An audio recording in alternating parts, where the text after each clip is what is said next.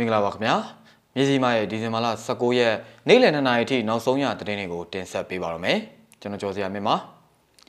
PDF တပ်သားတချို့ရှေ့တန်းထွက်စစ်တိုက်ဖို့ဆန္ဒပြတောင်းဆိုနေပါတယ်ကြောက်စဲမြို့နယ်မှာတော့မိုင်တဲတာဝါတိုင်းဖောက်ခွဲခံရပြီးလာရောက်စစ်ဆေးတဲ့စစ်ကောင်စီရင်မိုင်းဆွဲခံလိုက်ရပါတယ်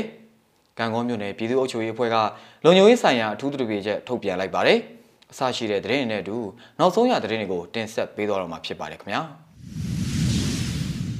ပထမဆုံးအနေနဲ့ PDF တပ်သားတချို့ရှေ့တန်းထွက်စစ်တိုက်ဖို့ဆန္ဒပြတောင်းဆိုနေတဲ့တဲ့တင်ကိုတင်ဆက်ပေးပါမယ်။စစ်ကောင်စီတပ်တွေနဲ့လက်တလောတိုက်ပွဲတွေဖြစ်နေတဲ့လေးကေကောဒေသမှာရှိတဲ့ပြည်သူ့ကာကွယ်ရေးတပ်ဖွဲ့ PDF ဝင်ချို့ဟာစစ်ကောင်စီတပ်ဖွဲ့ဝင်တွေနဲ့ရင်ဆိုင်တိုက်ခိုက်ဖို့ရှေ့တန်းမထွက်ရတဲ့အတွက်အချို့တန်ရင်တပ်ဖွဲ့တွေကစစ်တီအချို့ဟာဆန္ဒပြတောင်းဆိုတာတွေရှိလာတယ်လို့လေးကေကောဒေသကတပ်မှုတချို့ကပြောဆိုကြောင်းတန်လွင်ပရက်ရဲ့သတင်းတပုတ်မှာဖော်ပြထားပါတယ်။မနေ့ကမနက်စာနဲ့နေ့လယ်စာထမင်းလာမစားတဲ့ရဲဘော်တွေရှိတယ်လို့သတင်းပို့တော့ကျွန်တော်သွားပြီးမိတယ်မင်းတို့ဘာဖြစ်လို့ထမင်းမစားတာလဲမေးတော့ရှေ့တန်းမထွက်ရလို့လို့ပြောတယ်ဗျာစစ်သားဆိုတာဆန္ဒပြလို့မရဘူးအမိန်အတိုင်းပဲလုပ်ရမယ်နောက်တစ်ခါဆန္ဒပြရင်အေးအေးယူခံရမယ်လို့ပြောလိုက်တယ်လို့လေကီကောဒေတာကတမှုတူကပြောပါတယ် KLL တပ်မှုတွေအနေနဲ့ PDF တပ်ဖွဲ့ဝင်တွေတဲကအချို့ကသာစစ်ကောင်စီတပ်ဖွဲ့ဝင်တွေနဲ့တိုက်ပွဲဖြစ်နေတဲ့ရှေ့တဲ့နေရာတွေထိဆစ်လွပြီးတိုက်ပွဲဝင်ခိုင်းတာတွေရှိသလိုအချို့တပ်ဖွဲ့ဝင်တွေကိုတော့နောက်တန်းရုံးနေမှာပဲတာဝန်ပေးထားတာဖြစ်တယ်လို့သိရပါတယ်။အဲ့လိုနောက်တန်းရုံးတွေမှာတာဝန်ထမ်းဆောင်နေရတဲ့ PDF စစ်သားတွေအနေနဲ့သူတို့လည်းရှေ့တန်းထွက်ပြီးစစ်ကောင်စီတပ်တွေကိုတိုက်ခိုက်ချင်တယ်လို့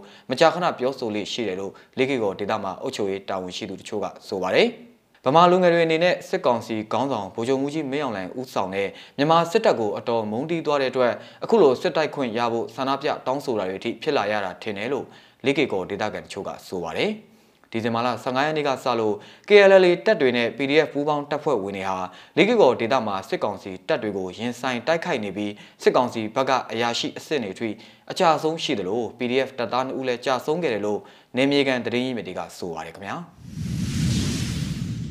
ကြောက်စဲမျိုးကတရင်နဲ့ဆက်ချင်ပါတယ်ကြောက်စဲမြို့နယ်ရွာပလဲကျေးရွာနီးမှာရှိတဲ့မိုင်းတဲတာဝါတိုင်းဖျက်ဆီးခံရမှုကိုလာရောက်စစ်ဆေးတဲ့စစ်ကောင်စီရင်ထပ်မံမိုင်းဆွဲခံရပြီးအရာရှိတဦးနဲ့တပ်သား2ဦးတေဆုံးက၄ဦးဒဏ်ရာအပြင်းထန်ရရှိသွားတယ်လို့ကြောက်စဲခရိုင်ကာကွယ်ရေးတပ်ဖွဲ့တာဝန်ရှိသူကပြောပါတယ်။ မိုင်းတဲတာဝါတိုင်းကိုဒီဇင်ဘာလ18ရက်မနက်6:22မိနစ်အချိန်ကကြောက်စဲခရိုင်ကာကွယ်ရေးတပ်ဖွဲ့ကဖောက်ခွဲဖျက်ဆီးခဲ့တာဖြစ်ပြီးပောက်ကွဲပြီးတဲ့နောက်အဲ့ဒီနေ့မနက်9:19မိနစ်မှာလာရောက်စစ်ဆေးတဲ့စစ်ကောင်စီရင်ကိုမဟာမိတ်အဖွဲ့ဖြစ်တဲ့ပြည်သူ့ကာကွယ်ရေးတပ်ဖွဲ့ကြောက်ဆယ်ကမိုင်းနှလုံးဆွဲတိုက်ခိုက်ခဲ့တာဖြစ်ပါတယ်။ကြောက်ဆယ်မျိုးတွေကလာတာဗျကားကအဖြူအောင်အရာရှိကားပုံစံမျိုးပဲ 4 week ကားနဲ့လာတာပါတာက9ယောက်10ယောက်လောက်ရှိမယ်နောက်ခံနဲ့ပါလာတာက6ယောက်လောက်ရှိတယ်ခေါင်းကန်းကတော့မှန်မဲကတ်ထားတာဗျအဲ့ဒါကိုမိုင်းနှလုံးဆွဲခဲ့ရလို့အဖွဲ့တာဝန်ရှိသူကပြောပါတယ်မိုင်းတဲ့တာဝါတိုင်းဖျက်ဆီးခဲ့ရမှာမိုင်းတလုံးအသုံးပြုပြီးတာဝါတိုင်းအတွင်းကစက်ပစ္စည်းကိုသာဖျက်ဆီးခဲ့တယ်လို့ KDDF အဖွဲ့တာဝန်ရှိသူကပြောပါတယ်။ စစ်စင်ရေးတွေပြုလုပ်ရမှာမှားယွင်းထိခိုက်မှုတွေမရှိစေဖို့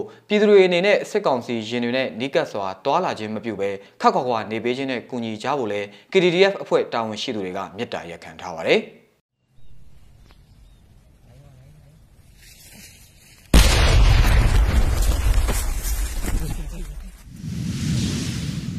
ထိုင်းရေပိုင်တဲ့အတွင်းတရားမဝင်ငါးခိုးဖမ်းတဲ့မြန်မာနိုင်ငံသားအပါအဝင်ရှိဦးဖမ်းဆီးခံရတဲ့တဲ့ရင်ကိုဆက်လက်တင်ဆက်ပေးပါမယ်။ ထိုင်းနိုင်ငံရနောင်းခရိုင်ကော့ကမောက်မြို့အနောက်မြောက်ဘက်ထိုင်းရေပိုင်တဲ့အတွင်းမှာဒီဇင်ဘာလ18ရက်နေ့ကတရားမဝင်ငါးခိုးဖမ်းတဲ့ဆက်လေတစည်းကိုဖမ်းဆီးပြီးနောက်မြန်မာနိုင်ငံသားအပါအဝင်ရှိဦးကိုအရေးယူခဲ့တယ်လို့ထိုင်းတဲ့မှာဖော်ပြထားပါတယ်။အဲ့ဒီငါးဖမ်းလေဟာဒီဇင်ဘာလ18ရက်နေ့နေ့လယ်12နာရီခွဲအချိန်ကဖမ်းဆီးခံခဲ့ရတာဖြစ်ပြီးငါးဖမ်းလေပေါ်မှာမြန်မာနိုင်ငံသား6ဦးနဲ့ထိုင်းနိုင်ငံသား2ဦးစုစုပေါင်း8ဦးပါဝင်တယ်လို့ဆိုပါတယ်။ ထိုင်းငါလုပ်ငန်းဦးစီးဌာနရဲ့တရားမဝင်ငါးဖမ်းစောင့်ကြည့်ရေးဗဟို FMC စင်တာကစောင့်ကြည့်နေတဲ့အချိန်မှာအဲ့ဒီလေကိုတွေ့ရှိတာကြောင့်ထိုင်းရေသက်ရဲလေအမှတ်629ကဖမ်းဆီးသွားခဲ့တာဖြစ်ပါတယ်။လက်ရှိမှာထိုင်းနိုင်ငံသားလှေပိုင်ရှင်ကိုကမ်းရုံးလန်းပင်လယ်ပြင်မှာတရားမဝင်ငါးဖမ်းမှုနဲ့ဥပဒေအရအရေးယူဖို့ဆောင်ရွက်နေတယ်လို့လည်းသိရပါတယ်ခင်ဗျာ။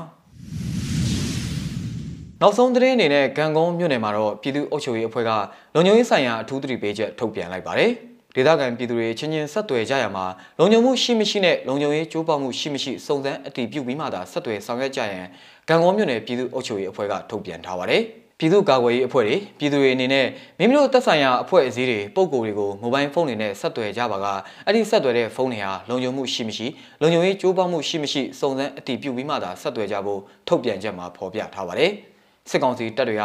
နှမ်းခါကျွော်ကိုရဟတ်ရင်၃စီးနဲ့အကြမ်းဖက်ပစ်ခတ်ခဲ့တဲ့ဒီဇင်ဘာလ18ရက်နေ့ဖြစ်စဉ်အပြီးမှာလုံခြုံရေးကျိုးပေါက်မှုတွေရှိနေပြီးဒေသခံတွေဟာစစ်ကောင်စီတပ်ရဲ့မတရားဖမ်းဆီးတပ်ဖြတ်မှုကိုခံနေရတာဖြစ်တယ်လို့ရေးသားထားပါတယ်။ဒါ့အပြင်စစ်ကောင်စီတပ်တွေဟာဂံကုန်းမြို့နယ်တွင်အကြမ်းဖက်တိုက်ခိုက်မှုတွေဇက်တိုက်ပြုလုပ်လာနိုင်ခြင်းတွေကြောင့်ပြည်သူလူထုအနေနဲ့လုံခြုံရည်နာနေထိုင်ကြဖို့နဲ့ဂံကုန်းကလေးလမ်းပိုင်းကိုအသုံးမပြုကြဖို့လည်းတတိပေးထုတ်ပြန်ထားပါတယ်။